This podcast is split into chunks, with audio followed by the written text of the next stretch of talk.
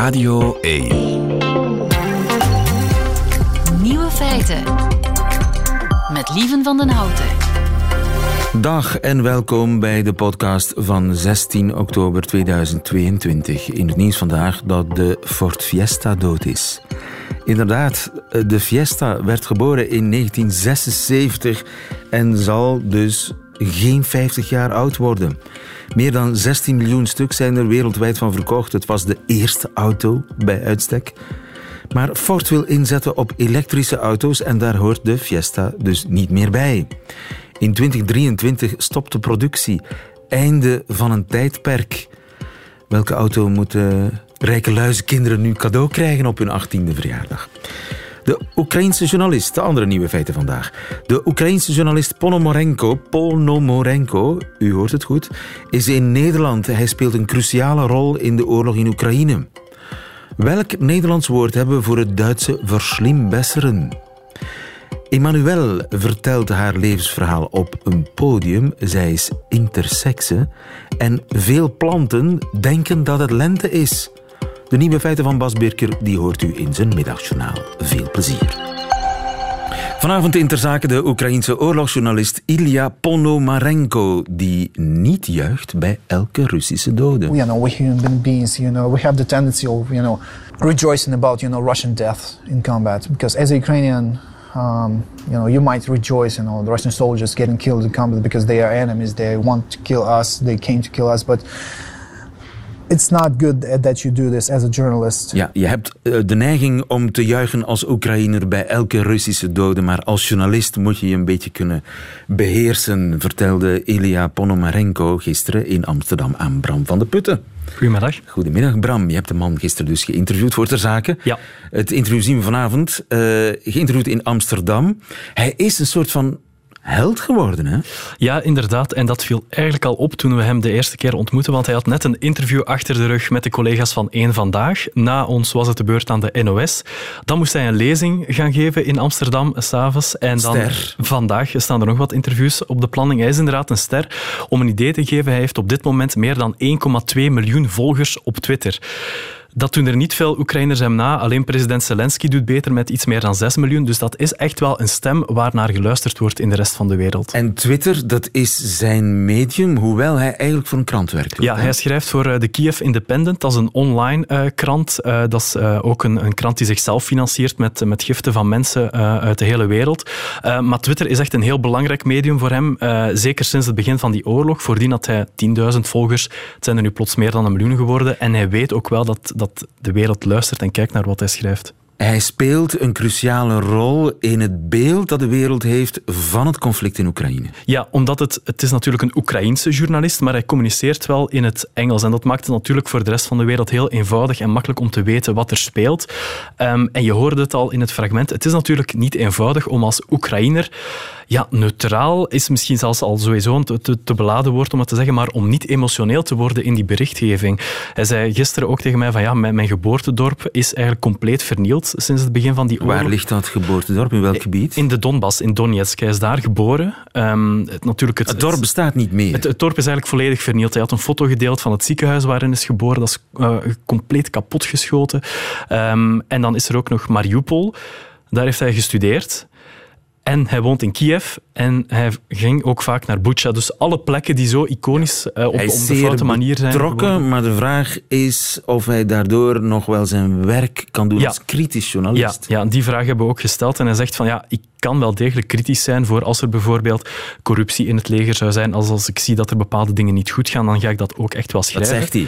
Dat zegt hij, maar aan de andere kant voegt hij er ook aan toe. Ja, er zijn natuurlijk wel richtlijnen. Ik kan niet zomaar alles prijsgeven over bijvoorbeeld offensieven die gepland staan, omdat er toch ook wel een soort van ja, embargo is gesteld op wat journalisten, ook westerse trouwens, mogen en kunnen zeggen over bepaalde offensieven in Oekraïne. Dus hij kan bepaalde informatie niet delen, maar de informatie die hij wel deelt, die klopt. Ja, ja inderdaad. En Mogen we daar zeker van zijn? Ja, um, omdat het ook, het is ook hetzelfde wat we zien bij bijvoorbeeld westerse journalisten. Dus ook uh, collega's, zowel Rudy Franks, die al in Oekraïne is geweest, maar in Trio recent, uh, maar ook buitenlandse journalisten van BBC enzovoort. D dat zijn eigenlijk grotendeels dezelfde dingen.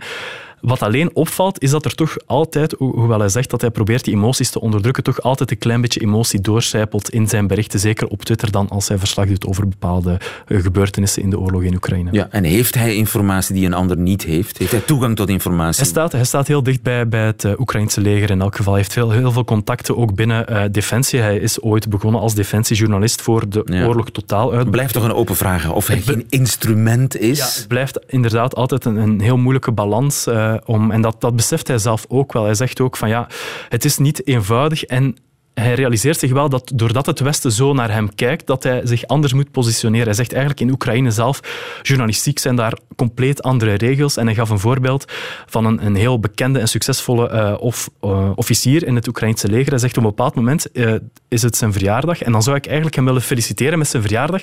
Maar ik doe dat niet op Twitter, want ik weet, dan gaan mensen in het Westen zeggen je staat te dicht bij de macht, je staat te dicht bij het leger, je bent eigenlijk geen goede journalist. Dus hij zegt, ik doe dat bewust niet, terwijl het voor elke Oekraïner normaal normaalste zaak van de wereld zou zijn, mocht ik dat tweeten of schrijven in een krant. Ik neem aan, Amsterdam voor hem een soort vakantie?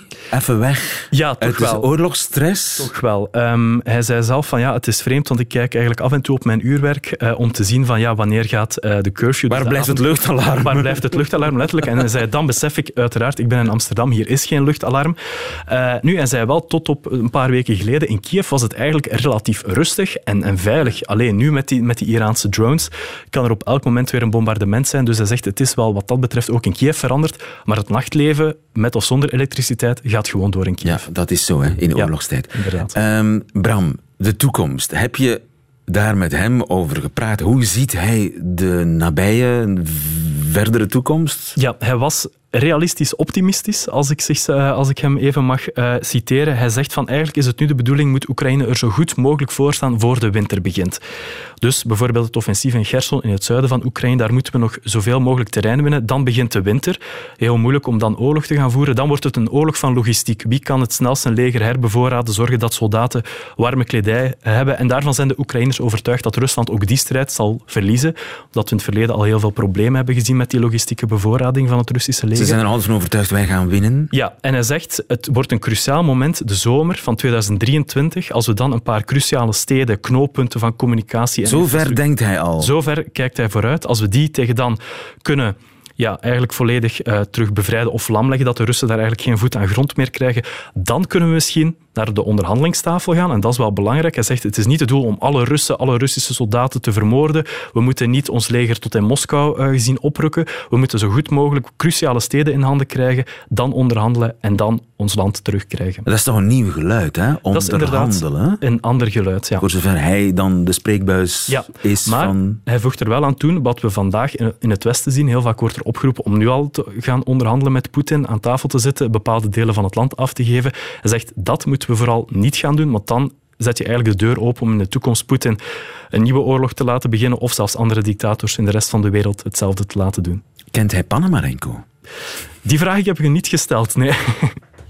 Ilya Ponomarenko, een naam om uh, jaloers op te zijn. Ja. Zeker bepaalde kunstenaars zouden daar jaloers op zijn. Vanavond in Ter Zake geïnterviewd door Bram van de Pitten. Dank je. Van Putten. de Putten, sorry, van de Putten. Ik had nog zo geoefend.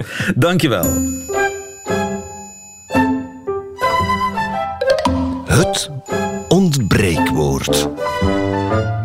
Rick de Leeuw gaat op zoek naar woorden die in onze taal helaas nog niet bestaan. Donderslags bijvoorbeeld. Uh, voor van vandaag op morgen. Dat betekent, dat heet voortaan donderslags. Korter en krachtiger met een stukje brood, de laatste saus van je bord schoonvegen. Lekker. En dat heet tegenwoordig sopperen. Allemaal ontbreekwoorden, bedacht door u, luisteraar. Op vraag van uh, Rick de Leeuw en onder toezicht van Ruud Hendricks. Goedemiddag, Ruud Hendricks. Hallo, lieve. Ik hoorde je al goedkeurend hummen. Ja, eigenlijk als je het lijstje zo opnieuw hoort, er zitten toch mooie dingen Mooie bij, dingen, hè? Je Ja. bent hoofd, hoofdredacteur van Vandalen en uh, jury in uh, deze rubriek. Goedemiddag ook Rick de Leeuw. Goedemiddag. Initiatiefnemer, bedenker, genie van dit uh. Aanbrenger. Uh, zoeker naar nieuwe woorden. Welk woord zochten we eigenlijk de voorbije week? We zochten naar een Nederlands woord voor het schitterende Duitse verschlimbesserung. Verslimbesserung. Dat is als je in een poging om iets te verbeteren het alleen maar nog erger maakt. Iets erger maken door het proberen te verbeteren. Ja, ik ken het, dat Precies. gebeurt. Dat, dat komt voor. Blijkbaar was dit ook bij de luisteraars een zeer herkenbaar fenomeen. Veel reactie. Eh, heel veel reactie. On-. Ontbeteren werd vaak genoend. Ontbeteren. En Hey, dat is goed. ontbeteren. En variaties daarop, zoals misbeteren, onderbeteren, zelfs optimindriseren kwam langs. Goed geprobeerd. Optimindriseren. Juist, juist. Ehm, sommige luisteraars wisten trouwens te melden dat er in hun dialect reeds een woord voor verslimbesserung bestond. Oké. Verdesteleweren. Verdestileren. Verdesteleweren. Ja, dat is gewoon verknallen, volgens mij. Maar Maar, ja, precies, want de etym- etymologie daarvan gaat terug naar het oud-Franse destruire, vernielen, destroy. hij is heel En daar ontbreekt dus, verdestuleerd. Zoiets. ja, maar daar ontbreekt dus die zo belangrijke intentie om aanvankelijk iets goeds te willen Juist. Doen voordat het helemaal misgaat. Dus verdestileren, prachtig woord, maar eh, niet echt een, eh, een volledige alternatief voor Verslimbesserung. Dat is enkele decennia geleden dat ik dat woord nog gehoord heb. Ook Ruud zitten knikken. Ja, ik ken het helemaal niet. Dus eh renoveren wel, maar eh, Verdestileren. Ik denk Oost-West-Vlaams, allebei. geen idee. Ja. Oké. Goed, maar dat, dat wordt hem dus niet. Dat wordt hem niet. Nee, nee, nee. Eh, nog even snel. De prijs voor de grappigste inzending gaat misschien wel naar Stijn van Driessen. Die eh verslimbestering is volgens hem pizza met ananas. Oké. Goed geprobeerd. en ik begrijp hem helemaal. Enfin, eh, Een- tijd voor de top 6. De, is het een top 6 deze keer? Het is een top 6 deze Een keer. top 6, ik kan niet wachten. Alain Truits stelt voor Echternachteren. Hey, Echternachteren, dat is één stap vooruit, twee stappen achteruit. hey, niet slecht gevonden. Echternachteren, hè? niet Ja? Eh, David Hoppenbrouwers komt met floptimaliseren. We zijn normaal gezien niet zo voor woordspelingen, maar deze vind ik echt wel heel goed gevonden. Ja? Floptimaliseren. Floptimaliseren, dan weet je toch, oh, je weet toch onmiddellijk wat dat Oké, goed. Ja. Je hebt onmiddellijk beeld Ja. bij wat er Nee, gezegd ja, wordt. Ja. ja, goed. Als een boer die glimlacht. Met kiespijn. Zo zit Ruud Hendrik Wouter van den Bos brengt misschien oplossing. Eh averwerken. Aanverwerken. Aanverwerken. Dus dat zit het averechts in. Het, Ruud? Wel, ik vind het weinig doorzichtig. Hè. Het, is, het is mooi gevonden, maar weinig doorzichtig. Dus eh, ja, ja, ja. Even dan toch nog nadenken. Hij optimaliseren. is streng. ja, ja, Gert Roels zegt verdaste, verdarsteren. Verdarsteren. Verdarsteren. Verdarsteren. Dat klinkt En ik prachtig. heb geen idee waar het vandaan Nee, komt. maar niet. dat- je hebt gelijk eh, wel een idee van wat er aan de hand is. Wat daar eh, voor vreselijk zich voltrekt. Ja. Verdestilleren of verdarsteren, het is ongeveer hetzelfde, hè? Eh, ligt misschien heeft hij zich ja. daardoor laten ja, inspireren. Zou Zou best kunnen. kunnen. Eh, Ja, eh, ja. Ik heb er verder geen uitleg bij gekregen. Nee. Jaap Heemskerk zegt buurman en buurmannen. Boeh. Daar snap ik niks van. Buurman en buurmannen, Nee. snap je die? Dat moet ik misschien uitleggen. Jaap Heemskerk, zijn naam doet er iets vermoeden dat het waarschijnlijk een Nederlander is. En in Nederland is al sinds jaar en dag op televisie de animatie eh, tekenfilmserie Buurman en Buurman. En die pakken titel. elke week vol goede moed een nieuwe klus aan. die eh, mislukt hopeloos. Op het eind slaan ze elkaars elleboog tegen elkaar aan en zeggen ze ajeto.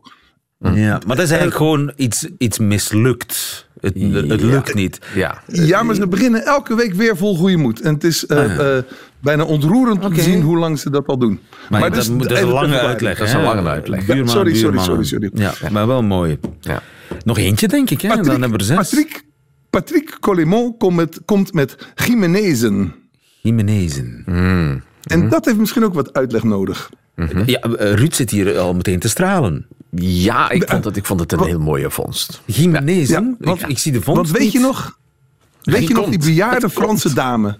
Die bejaarde Franse, Spaanse dame. Die bejaarde Spaanse dame die tien jaar geleden met de beste bedoelingen een fresco wilde restaureren. En het kunstwerk daarmee compleet vernielde. Juist, ja. Het, het, het, het Jezusbeest is dat, is dat geworden. Werkelijk op een, op een eh, hilarische wijze is dat eh, verruineerd. Maar ze is wel wereldberoemd geworden. En de kerk heeft zichzelf kunnen restaureren met de opbrengst van allerlei paraphernalia die ze verkochten van die afbeelding.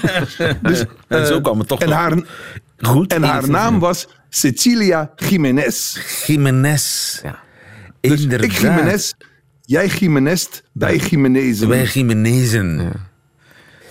Dat is dus de- jouw top 6. Ja. Dit is de top 6, ja. Ja, ja. Nu, ikzelf, ikzelf eh, had, heb ook eens naar het lijstje gekeken. En ja, kijk, eigenlijk, als ik heel eerlijk ben, zo'n woord als iets kapot verbeteren of Kapot verbeteren. Hé, maar dat vind ik toch dat is goed, hè? Maar dan pakken we toch gewoon kapot verbeteren? Ja, oké. Daar, daar komen we nog even op terug. Of we dit gaan nemen of zo. Want, want Kon- er- ook- dat ik er zelf niet op gekomen ben. Ja, juist, ja. Dus maar, maar er zijn een heleboel dingen die er ook in zitten. Rick noemde daar net al iets zoals misverbeteren of zo. Toen ik de opdracht hoorde, dacht ik meteen, ja, dat is een wanverbetering. Dus, maar ja, ik mag niet meedoen, neem ik aan. Wanverbetering. Een beetje s- Ja, je mag eigenlijk ook meedoen. maar, maar kijk, wanverbetering, dat, dat past in het, het lijstje van wantoestand enzovoort. Hè. Dus een slechte Het neutraler verbetering. dan Dat is kapot verbeteren. dan kapot verbeteren. Het is- maar, swingt net iets minder, maar het is Ja. neutraler. Het is neutraler. Dus als je mij zou vragen, dat heeft meer kans om echt ingang te vinden. Maar kapot verbeteren vind ik ook heel goed. Maar ehm, als ik er toch eentje uit de lijst van... eh, Dat hoeft echt niet, Ruud. Dat beslissen wij bij deze. Rick is het Beslissen ermee wij dat? Ja, ja, wij, ik, wij beslissen wel, dat ik, dan vind ik... Oké, dan vind ik Jimeneze echt wel een geweldige vondst. Dus het, het heeft wat uitleg nodig, dat geef ik eerlijk toe. Maar dan laten we zeggen, dat is een mooie tweede plaats dan. Ja? Ja, maar we gaan voor wanverbetering. Nee, Nee? kap- kapot verbeteren. Kapot verbeteren. Jij beslist, hè? Je mag wanverbeteren. ik mag Je mag overroelen. alles. Je mag alles overroelen. Dan overroel ik. Maar dan zeg ik, de winnaar is kapot verbeteren. Hè, hè, we zijn eruit. Rick, ben je blij? Kapot verbeteren? Ehm, ja, ja en nee. Eh, ehm, ik vind dat deze rubriek bij deze... ehm, eh, de kans bestaat dat... Dat, Dat je hem het kapot nu, eh, verbetert. Precies, precies, precies. Als je Jimenezen toch... eh eh, Jimenez de een wereld eer- in eervolle tweede. sturen. Eervolle tweede, Ja. Ja, we vinden Jimenez wel prachtig, maar het heeft net iets te veel uitleg nodig. Kapot verbeteren zegt precies waar het op staat. En het swingt. We leggen er ons Ja. bij neer. Het- er is maar één iemand neer. die het beslist en dat is meneer Van Dalen, alias Ruud Hendricks. Goed, dan heb ik nog van jou nodig, eh, Rick, een nieuwe opdracht, een nieuw woord, een nieuw ontbreekwoord.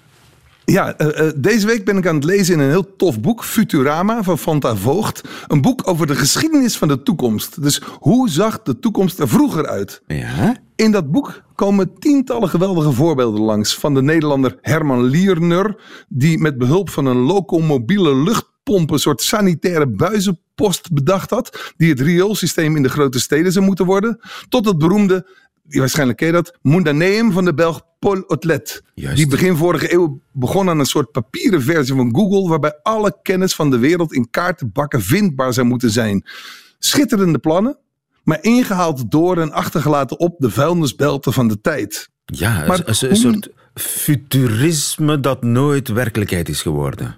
Dat. Maar hoe noemen we die vaak briljante, maar nooit verwezenlijkte plannen uit het verleden? Hoe, hoe, hoe, hoe noemen we die? Ja, futurisme van vroeger eigenlijk. Dat nooit gebeurd is. Eh, wilde, wilde fantasie. Ja, het zijn een soort luchtspiegelingen. Eh, Ja, zo parallele werkelijkheden. Het, het, het- je weet het niet, maar het- daarom juist. Welk woord vangt dat allemaal? Science fiction uit de jaren 50 die nooit waar is geworden, zoiets. Maar dat kan natuurlijk ook, dat hoeft geen fictie te zijn, of uit de, de filosofie of de wetenschap, dat kan ook in het dagelijks leven gebeuren. Hè, van die wilde plannen, van die prachtige ideeën, we gaan dat zeker doen en het komt er toch niet. Ik herinner mij dat de VRT ooit van plan was om een digitaal cultuurkanaal te organiseren. Klopt. Daar hebben we jaren in geloofd. Twee jaar is er aan gewerkt zelfs. Het uitzendschema lag klaar. Is er nooit gekomen. Het was, dat was dus een... Mm, dat zoeken we. Precies. Reageer, eh, Veel succes, luisteraar, veel succes. via de Radio 1-app of via de Facebookpagina van Rick de Leeuw. Dat is ook een populair eh, toegang tot Rick de Leeuw. En ik ben heel benieuwd. Tot volgende week, heren. En, tot, eh, en aan het werk. Luisteraar, laat uw creativiteit de vrije loop.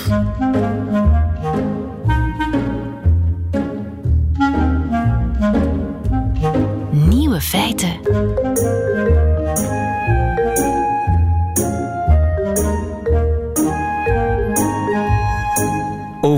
Cis en transgender horen we heel veel over non-binair en genderneutraal, maar uh, over intersexe, daar horen we relatief weinig over. Vanavond komt daar verandering in, want dan gaat in Leuven in première een toneelstuk. En dat heet Bloedend Gras, vertelt het levensverhaal van Emmanuel Verhagen. Het wordt gespeeld door Emmanuel Verhagen. Goedemiddag, Emmanuel. Goedemiddag, lieve. Ben je nerveus? Um, Voor vanavond? Vanavond, ja, altijd. Het is gezonde, gezonde stress. Uh, Want ja, het is, het is heel privé ja. wat je gaat vertellen. En het is niet eens in een boek dat je het vertelt. Je deelt het echt met een publiek, live, ja. van op een podium in een zaal. Ja, ja ik hou van uh, dingen bespreekbaar maken. En boeken schrijven vind ik heel moeilijk, want dat is stilzitten en zwijgen in een klein kamertje. Um, dus ik zocht naar een manier om, mij, om het verhaal te kunnen starten. Um, ja? ja? En intersexe, dat betekent... Geboren Inters met het lichamelijke kenmerk. Zover ja. zijn de meeste mensen, denk ik. Ja. Hè? Want het, het, taboe is er nog, maar is toch al vaker doorbroken? Er is nog, er is nog veel taboe rond, omdat het gaat over het lichaam. Um, en de variatie op je geslachtskenmerken, dat gaat dus over wat je ziet aan je geslacht. Uh, of wat je niet ziet, dus de binnenkant. Hè. De, de baarmoeder, eierstok en dergelijke meer. Wat je ziet, de piemel, teelballen enzovoort. Um, maar mensen weten wat het is. Mensen weten of niet moet je dat nog... Nee, oh, je moet het nog uitleggen. Dus dan moeten we het uitleggen. Want, ja, twee seconden uh, toch. Transgender en cisgender en, en non-binair, dat gaat meestal over Ja. wat, hoe mensen zich voelen. Voelen, ja. Intersectie gaat over lichamelijk. lichaam, wat je hebt. Dus Ja. wat, waarmee je geboren bent, dat je daarmee... Dus jij bent geboren, Met een intersexe lichaam. en hoe zag dat lichaam eruit? Mag ik dat Dat zag er gewoon uit als een jongenslichaam. Alleen was mijn geslacht minder ontwikkeld. Ehm, ik had geen teelballetjes, die zijn nooit ingedaald. Eh, en mijn piemel was super klein. te klein om piemel te noemen eigenlijk. Ehm, dat. En dan op een gegeven dag. Wat is er toen gebeurd? Ja, op een gegeven dag vond iemand eh, in een witte jas het belangrijk om daar iets mee te doen. En dat is oké dat er iets mee gebeurt. Eh, het is niet oké als, als dat niet besproken wordt met het kind. Ehm, en ik, mijn mening was nooit gevraagd. Ehm, En hoe ik, oud was je toen? ik was toen, eh eerste, eerste bijeenkomst met de dokter was ik negen jaar en de eerste operatie was ik tien jaar. En wat hebben ze toen gedaan? Eh, Sorry, als ik te privé word, want ja, Ja, ik, ik- vanavond allemaal op, een, eh, op, op scène. dus je gaat het toch Ja, delen. sowieso. wat, is er, wat Ehm, is er met je lijf gebeurd? Wat ze gedaan hebben, op, ze hebben drie operaties gedaan in mijn paar jaar tussen. Tussen mijn tien en mijn vijftien. eh, hebben ze mijn, mijn piemel die te klein was of, onbest- of nau- nauwelijks bestaande was, groter gemaakt. Ehm, ja, is dat hè. Eh, en ze hebben mijn... Hoe, hoe, hoe maak je dat groter bij een kind van ja, ik ben geen, geen dokter, maar dat, dat gaat, dat gaat dus blijkbaar wel. Stoppen ze daar... Ja, dat is een technische uitleg. Is een, stu- een stukje van een piemel die, die in het lijf zit, die dan naar buiten getrokken wordt, en, enzovoort, enzovoort. Ehm, heel complexe operaties eigenlijk, heel technisch, Ja, heel lastige, heel gevaarlijke. dus je had zwellichaampjes. Ja, ik had er wel, maar ze waren zo heel kleintjes. Hè. En ze, ze, ze, ze, Ze trekken het er gewoon allemaal uit. er gewoon uit. Ze Ja, knippen zoiets, ligamenten ja. door, waardoor dat, Ja, ze dat ding... van alles door. En, Ja, want je, bij de meeste mannen zit de piemel ook grotendeels inwendig. Ja. En dat, dat, maar dat dus dat zorgt- inwendig stukje was daar wel. ja, dat zorgt, als je een erectie hebt, zorgt dat wel voor, voor stabiliteit. Inderdaad.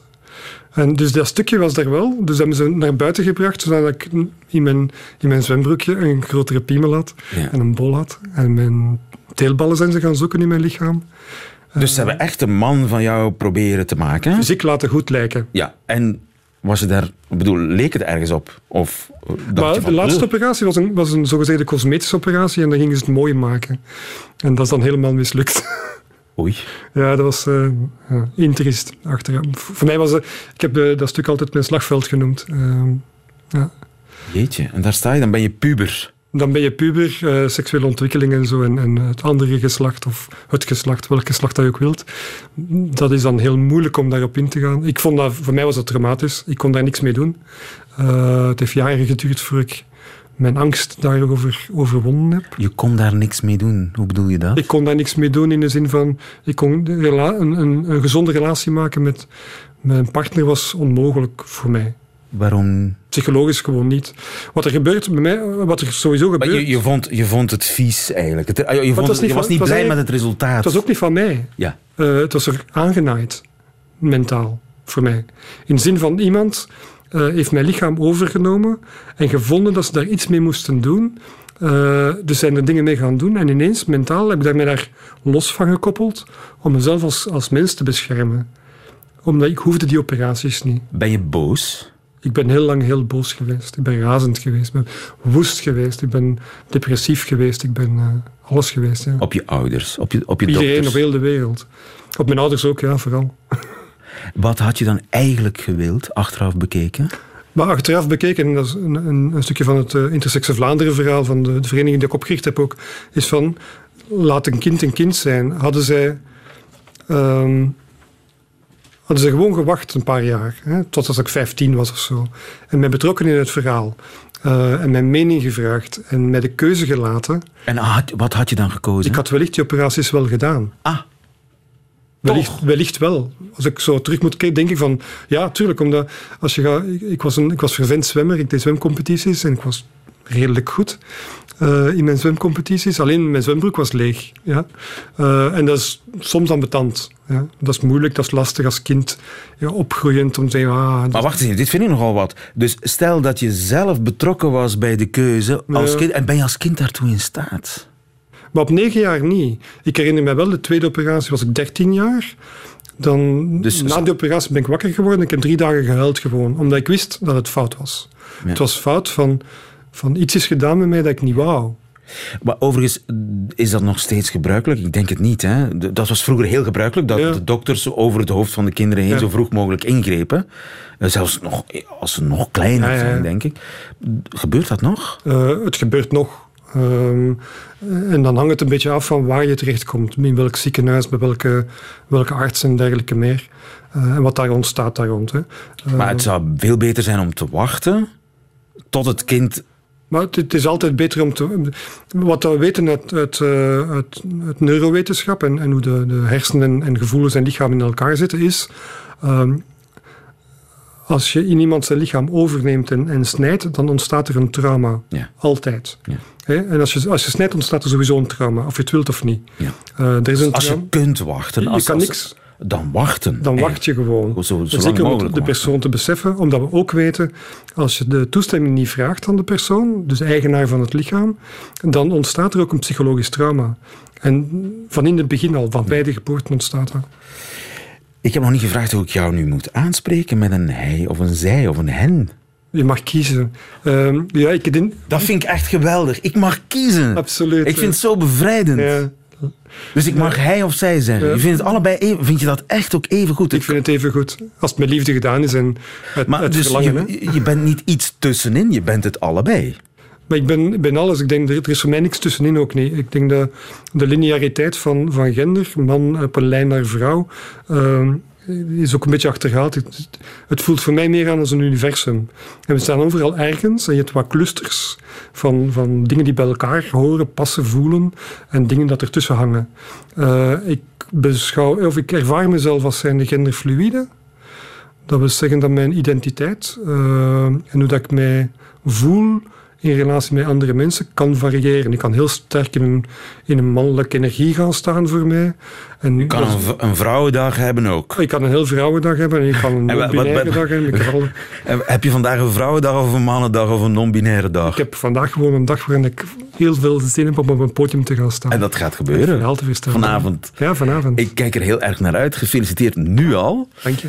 Met eh, Bloedend Gras vanavond Ja. première in het Wagenhuis in Leuven. Leuven. En dan eh, de volgende twee weken speel ik zeven keer. In, doorheen heel Vlaanderen. Eh, en de gelegenheidswebsite en tickets zijn te kopen op bloedendgras.be. Ja, het zal een heel emotionele gebeurtenis zijn, zowel voor het publiek als voor jou. Ja, sowieso. Ja. Emmanuel Verhagen, dankjewel. Dank je veel. Radio 1.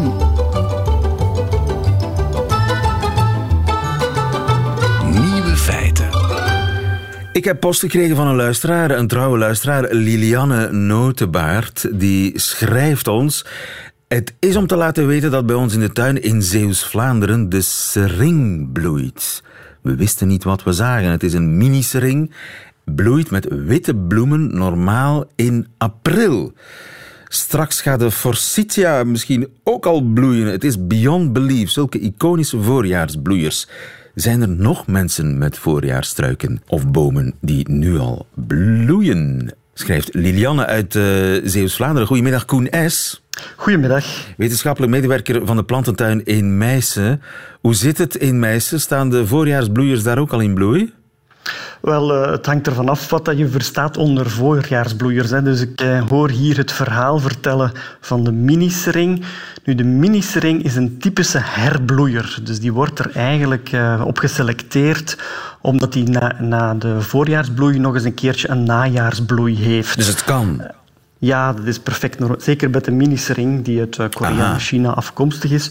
Maar dus na een soort van, van stressmoment, bijvoorbeeld snoeien of een droge zomer zoals we die gehad hebben, um, gaan die doorgaans altijd een keertje herbloeien in de maanden augustus, september, oktober ergens. Ja, okay. Dus in de herfst. Maar zijn er planten of bloemen die dat niet doen in normale omstandigheden, maar dat dit jaar wel doen?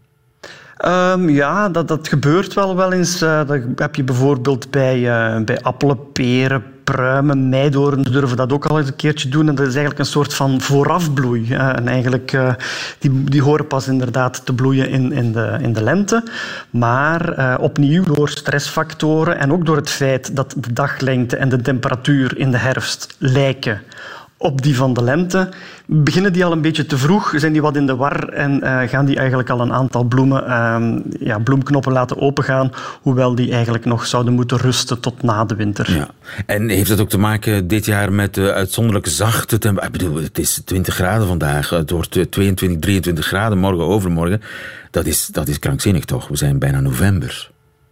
Ja, dus daar heeft dat zeker mee te maken. Hè. Die, die temperatuur en die daglengte, dus de combinatie van die twee, die, die zorgt ervoor dat hier en daar wel wat planten in de war geraken. Je ziet dat ook bijvoorbeeld in de, de gazons. Hè. Daar heb je nu een, een, een hele mooie hergroei na de droge zomer. Dus het, het gazon ziet er eigenlijk eh, lentefris uit. Mensen die het gazon, uh, die het gras afvrijen, die zullen dat wel weten dat ze nog lang niet moeten stoppen met het gras afvrijen.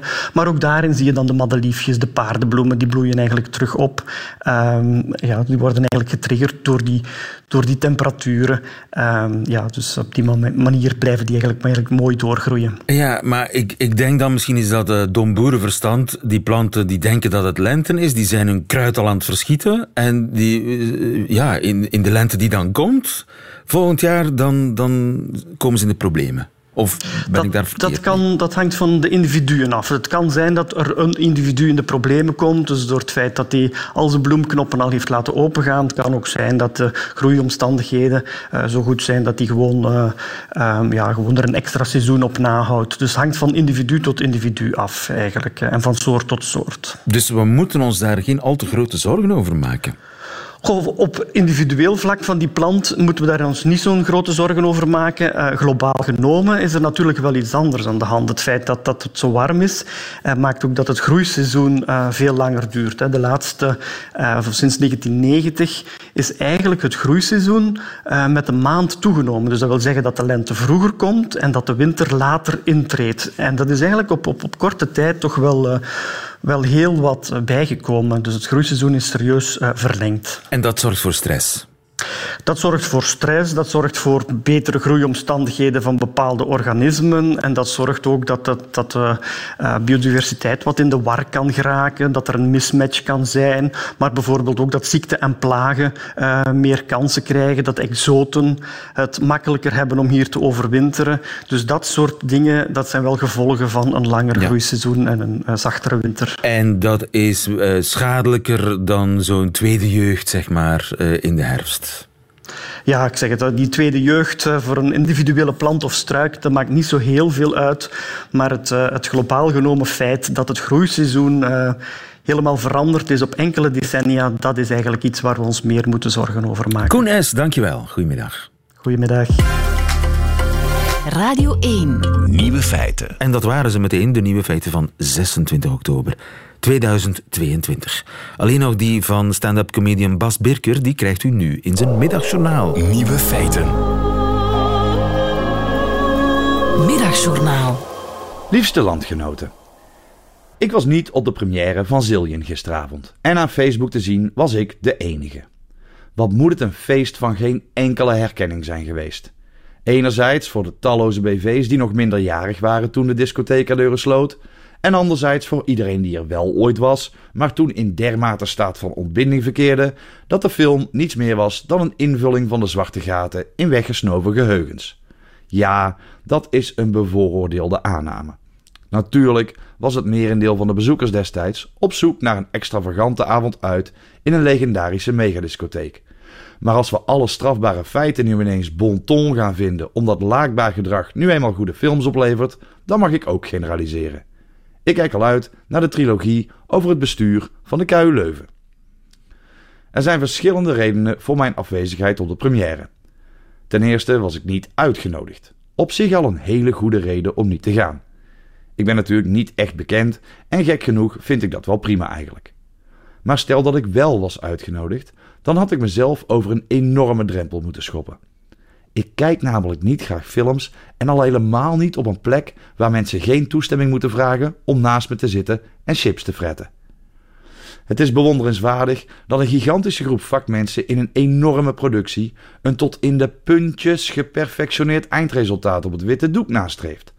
Maar als dat, om uit de kosten te geraken, moet worden losgelaten op een bende boerende bezoekers, geef mijn portie maar aan Vicky dan.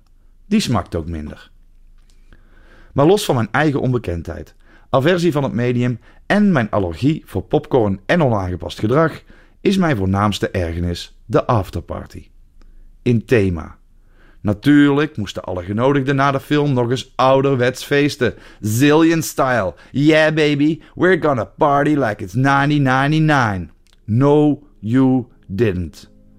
Stond Matteo Simoni al spuitend en slikkend de zusjes Leijers te prostitueren? Werden aan de achterdeur camionets vol zwart geld overgedragen aan de flikken? Zijn Adil en Bilal geweigerd aan de deur omdat ze niet de juiste schoenen aan hadden? Nee, dan was het geen party like it's 1999. En dat is maar goed ook. Het is 2022. We hebben hier en daar beschaving nu.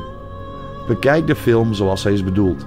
Als een tijdsdocument over een plek en periode om ons kapot voor te schamen. Niet als een rechtvaardiging voor de vraag: waar gaan we vanavond heen? Helemaal naar de kloten.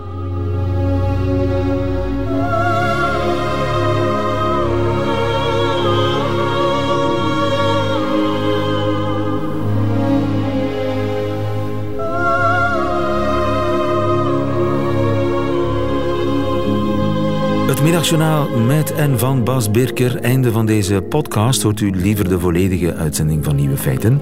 Dat kan natuurlijk live elke werkdag tussen 12 en 1. Of on demand via de Radio 1 app of website. Tot een volgende keer.